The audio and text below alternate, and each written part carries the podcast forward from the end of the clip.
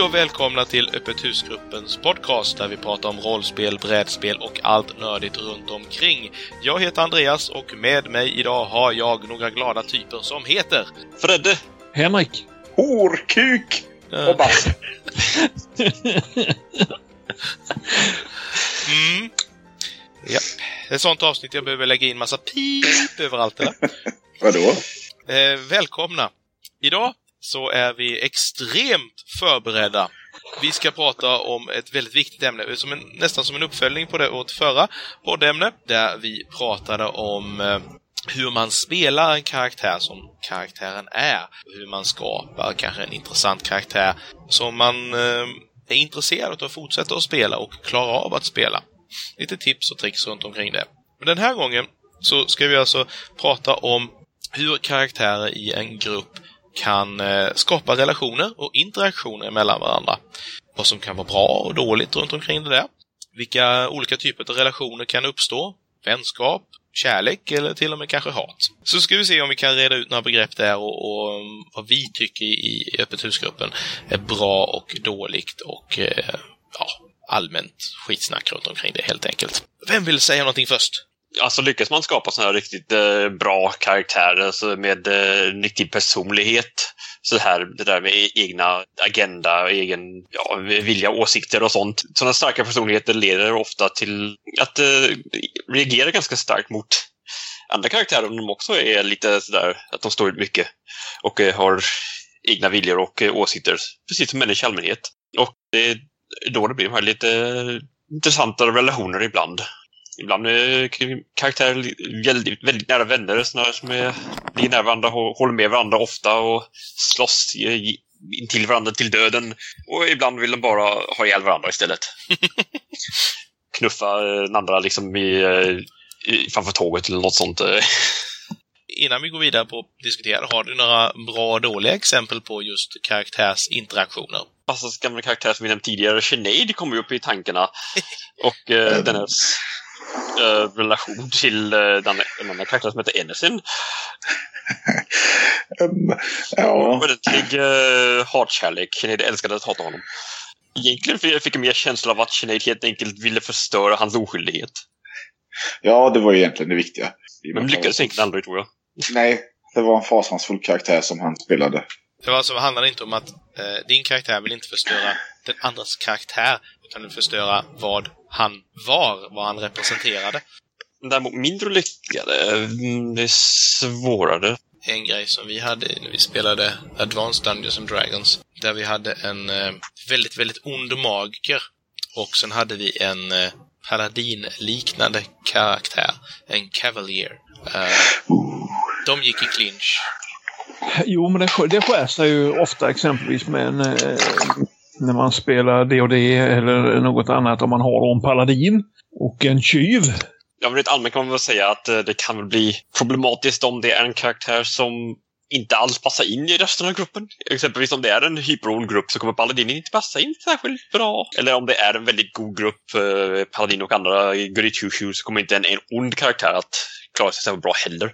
Ja, egentligen svårt att ha en karaktär som inte har samma... Alltså det kan vara karaktärer som inte har samma mål som de andra karaktärerna i gruppen. Det är också ett problem som kan uppstå och skapa friktion.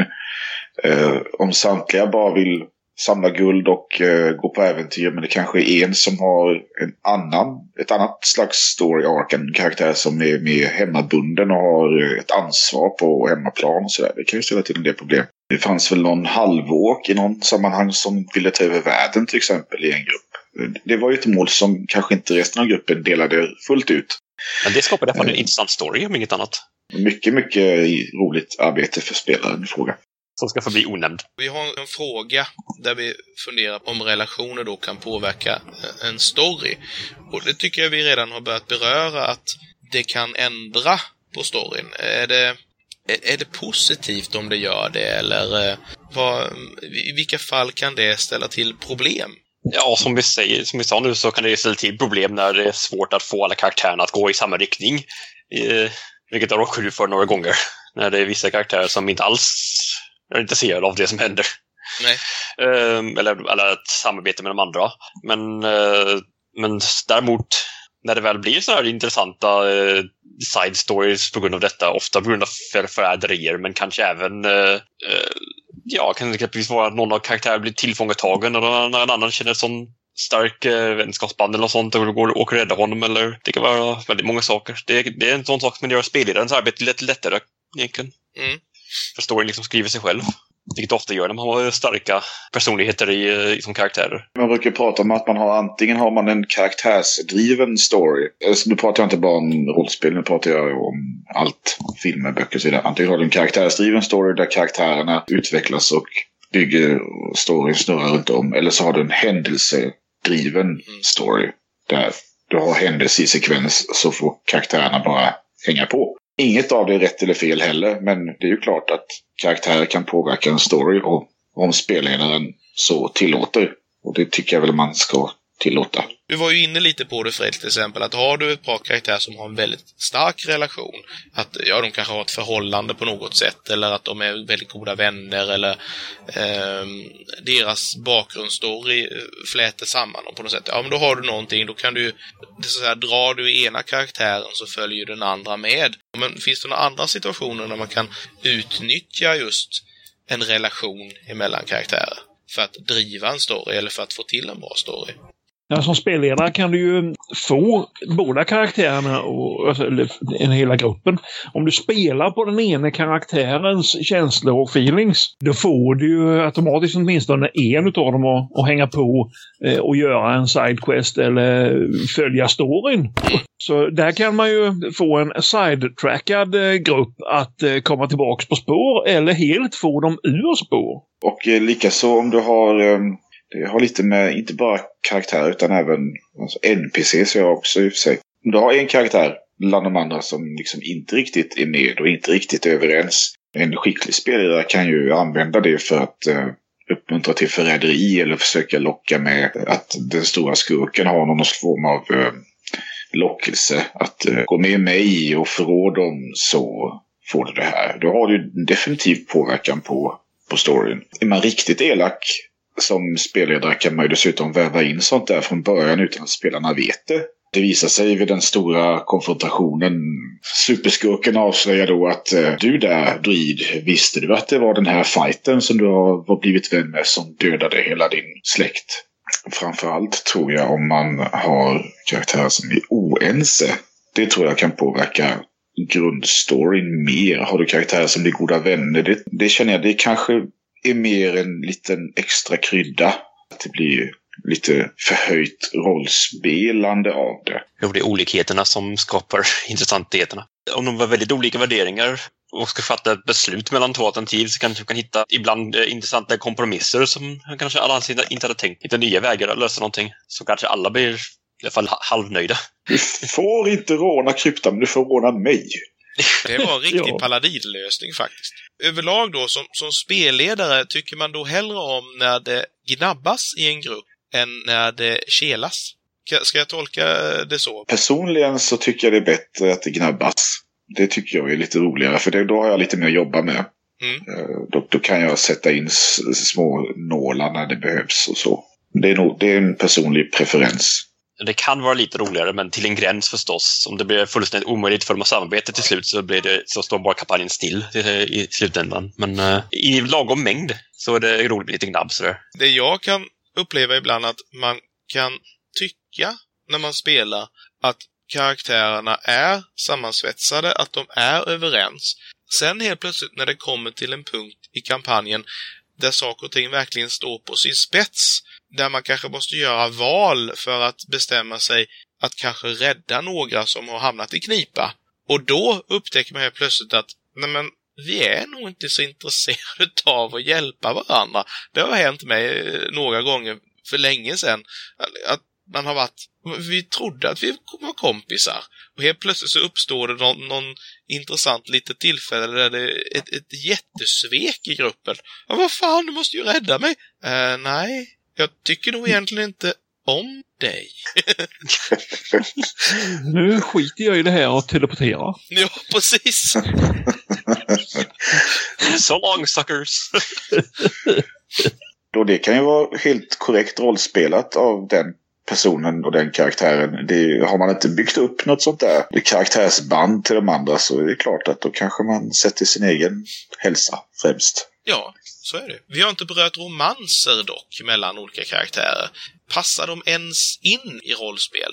Ibland kan de vara lite roliga. Det är bara problemet att det tenderar att ta en del plats, just det också. I alla fall om de ska spelas in-game sådär.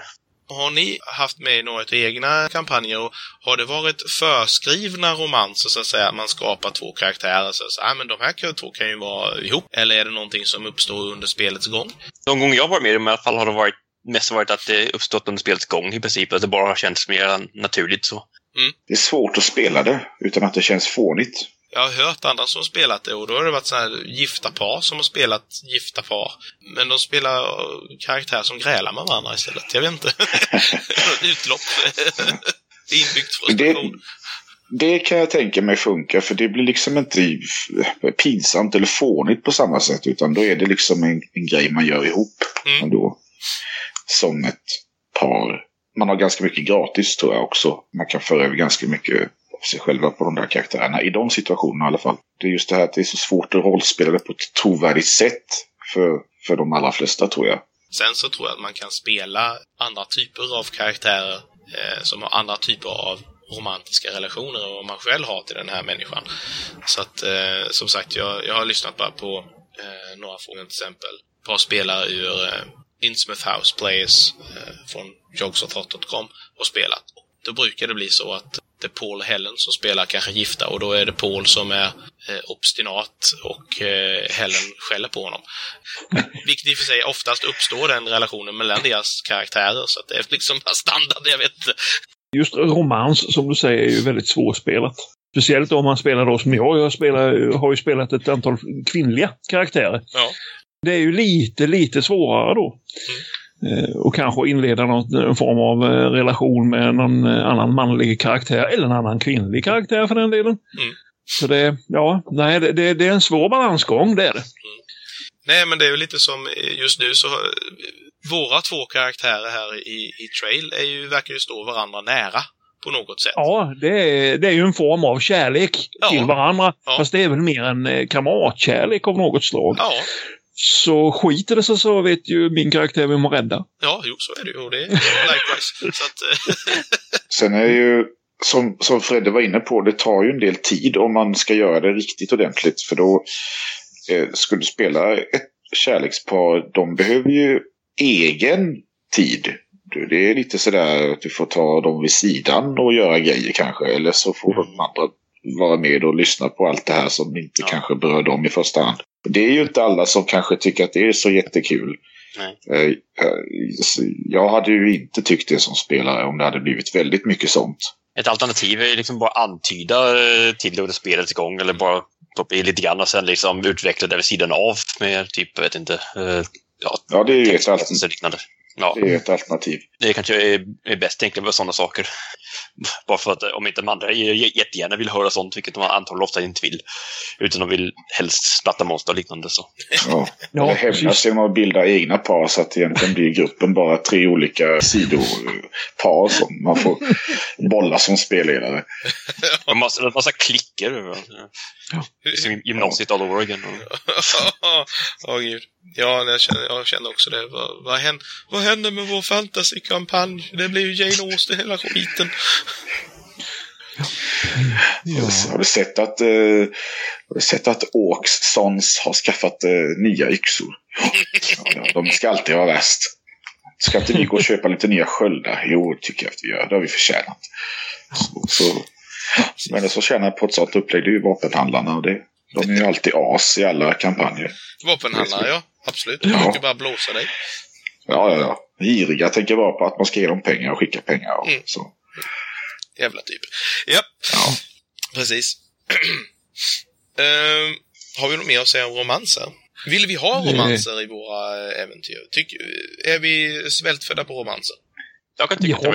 att det är kul ibland, men alltså, det ska ju utveckla sig naturligt helst i så fall. Eh, som en del av ja. karaktären. Ja, precis.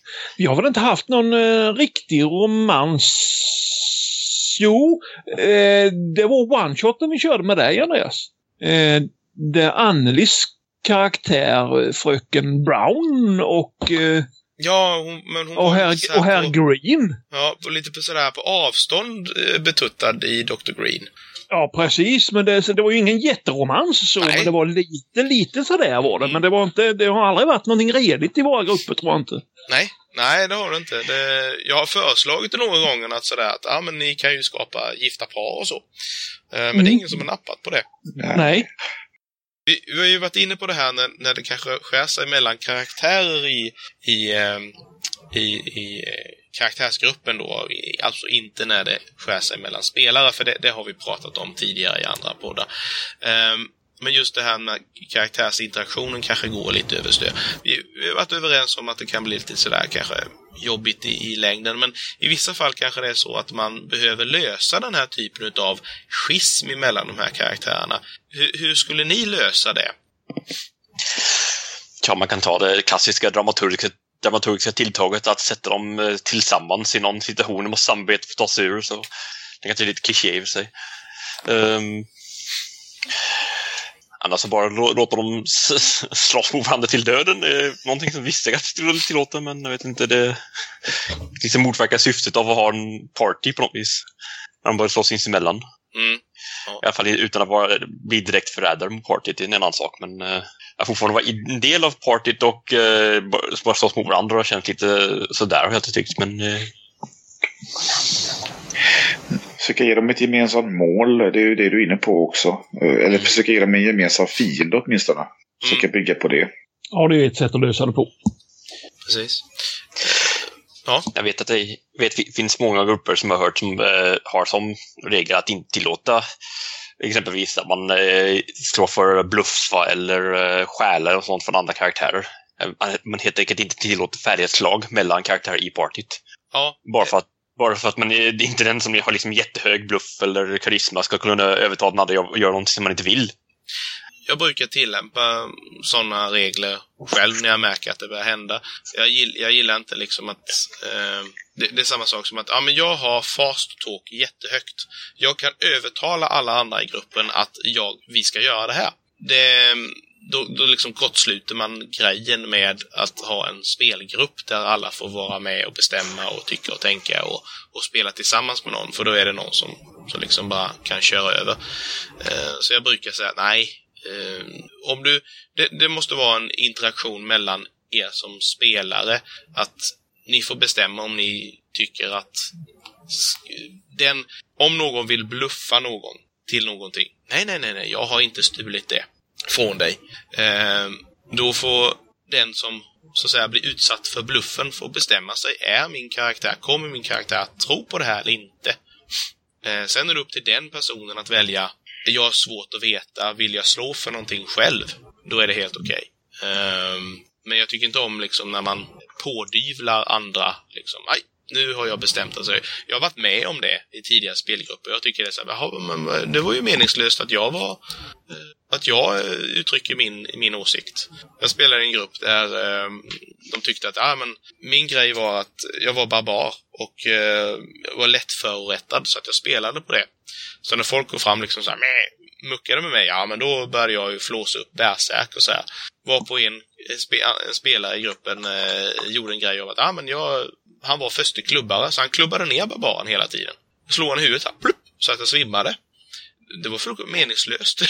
det var lite kul, men det blev så här, ja, nej men eh, det förtog ju hela min karaktär. Jag fick ju aldrig göra de här grejerna som var min karaktär då. Lite så här halvdåligt exempel, men, men, men den principen i alla fall. Ja, precis. Hej, Kalle! Ja, Ursäkta, det var katten, Kalle.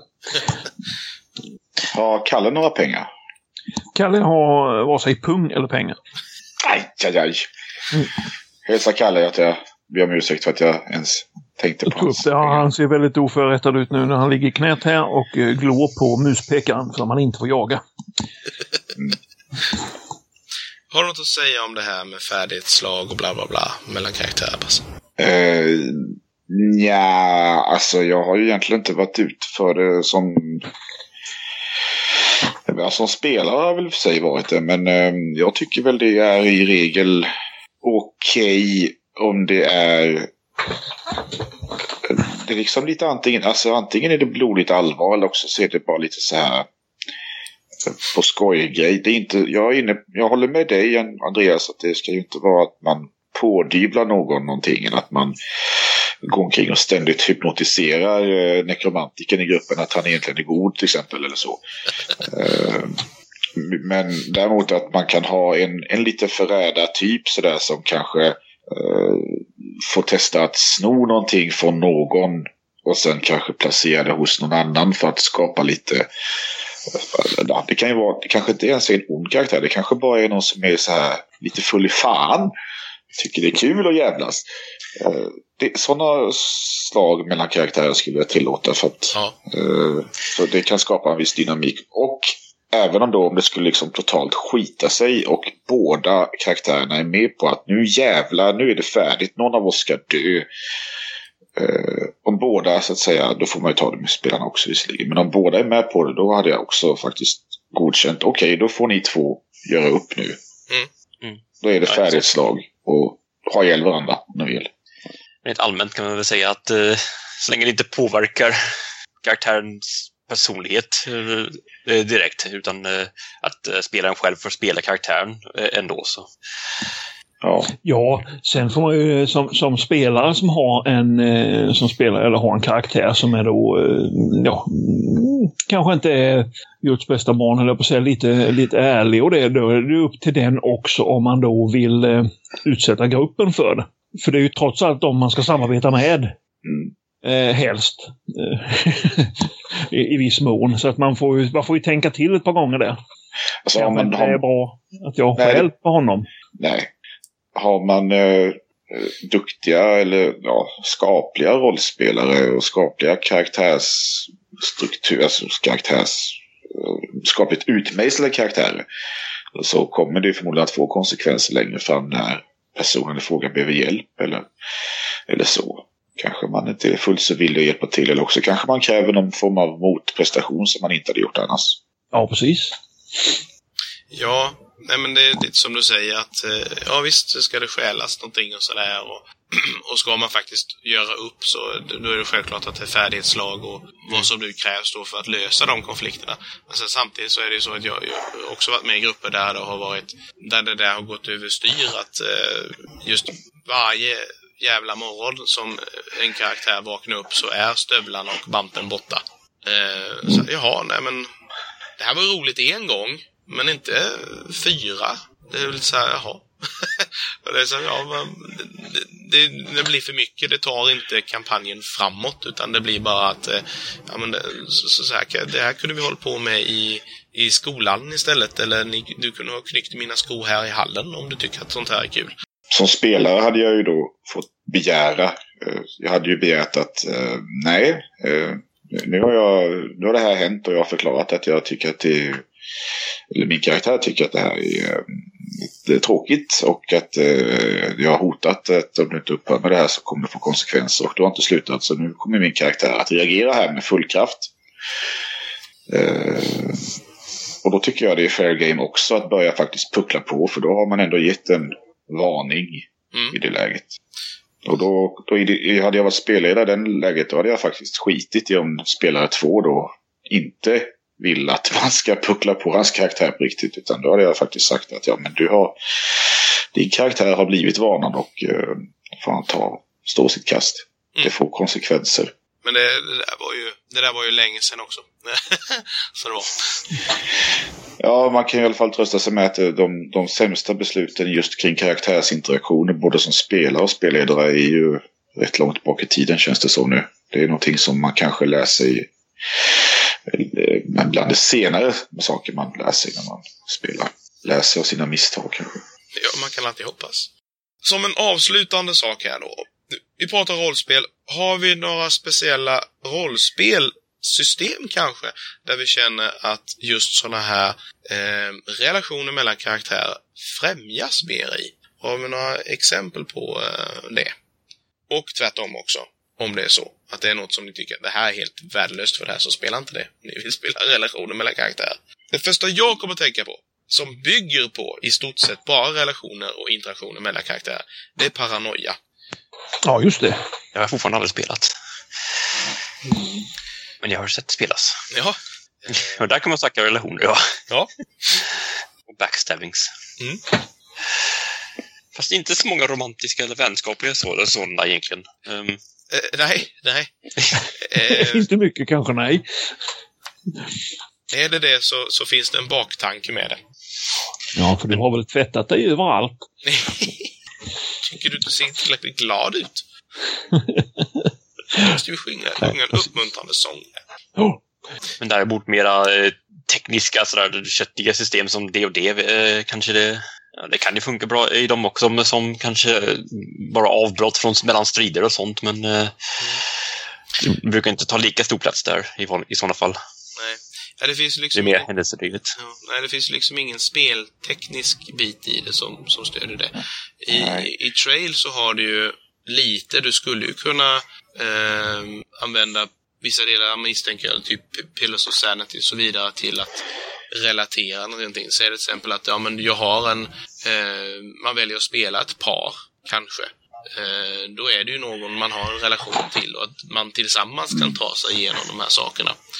Det är ju, I en sån situation är man ju givetvis varandras source of stability, i alla fall en av dem. Och förmodligen har man väl tron på kärleken eller någonting som kanske som en pillar of sanity. Och sen har man någon, förmodligen någon, någon drive som passar. Så att det, det skulle ju faktiskt kunna funka. Det finns rätt många, eh, rent speltekniskt finns det rätt många eh, interpersonella eh, parametrar Mm. i, i typ mer ja, det och det och så vidare. Det, det finns inte så många sådana. Det finns, man kanske har samma eh, gud möjligtvis.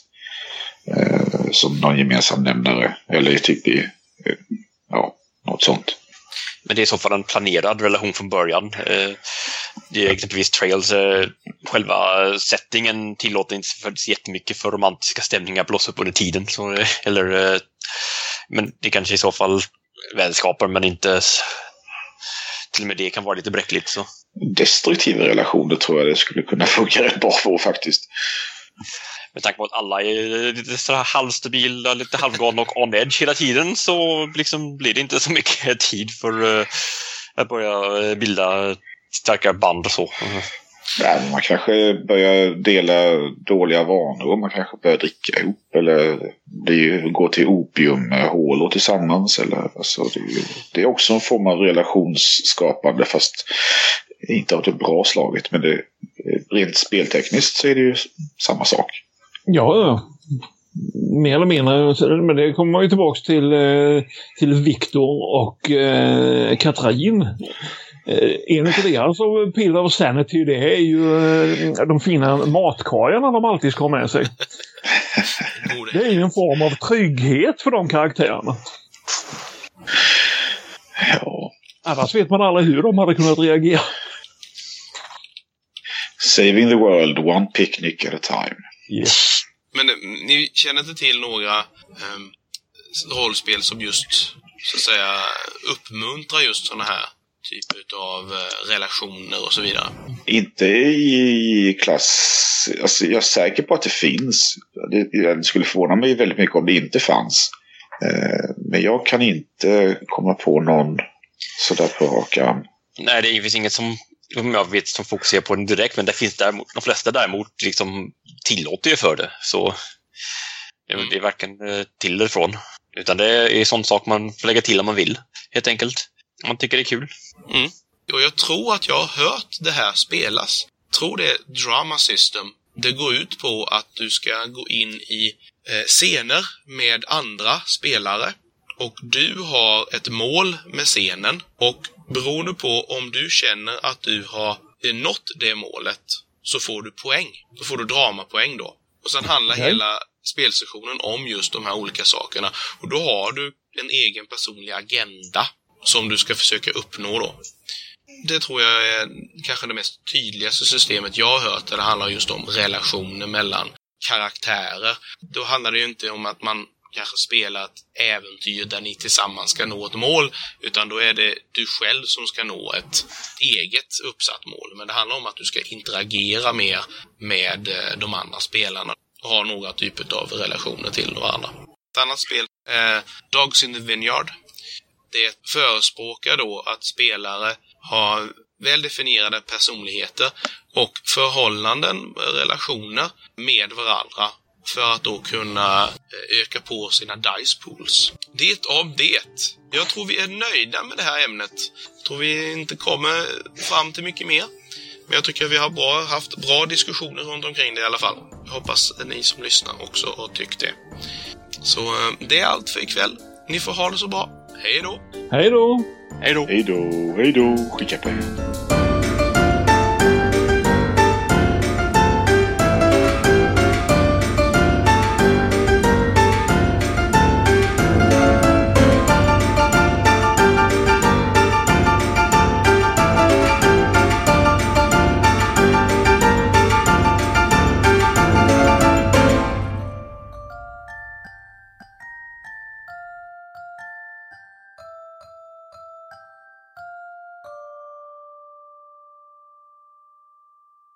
Ni har lyssnat på Öppet husgruppens podcast. Besök oss på monsterworld.se för mer information och avsnittsnoteringar. Musiken jag hört var The Canary av Kevin MacLeod. För mer om MacLeods musik besök incompetech.com. Den här podcasten är producerad under en Creative Commons erkännande, icke-kommersiell, inga bearbetningar 2.5 Sverige-licens.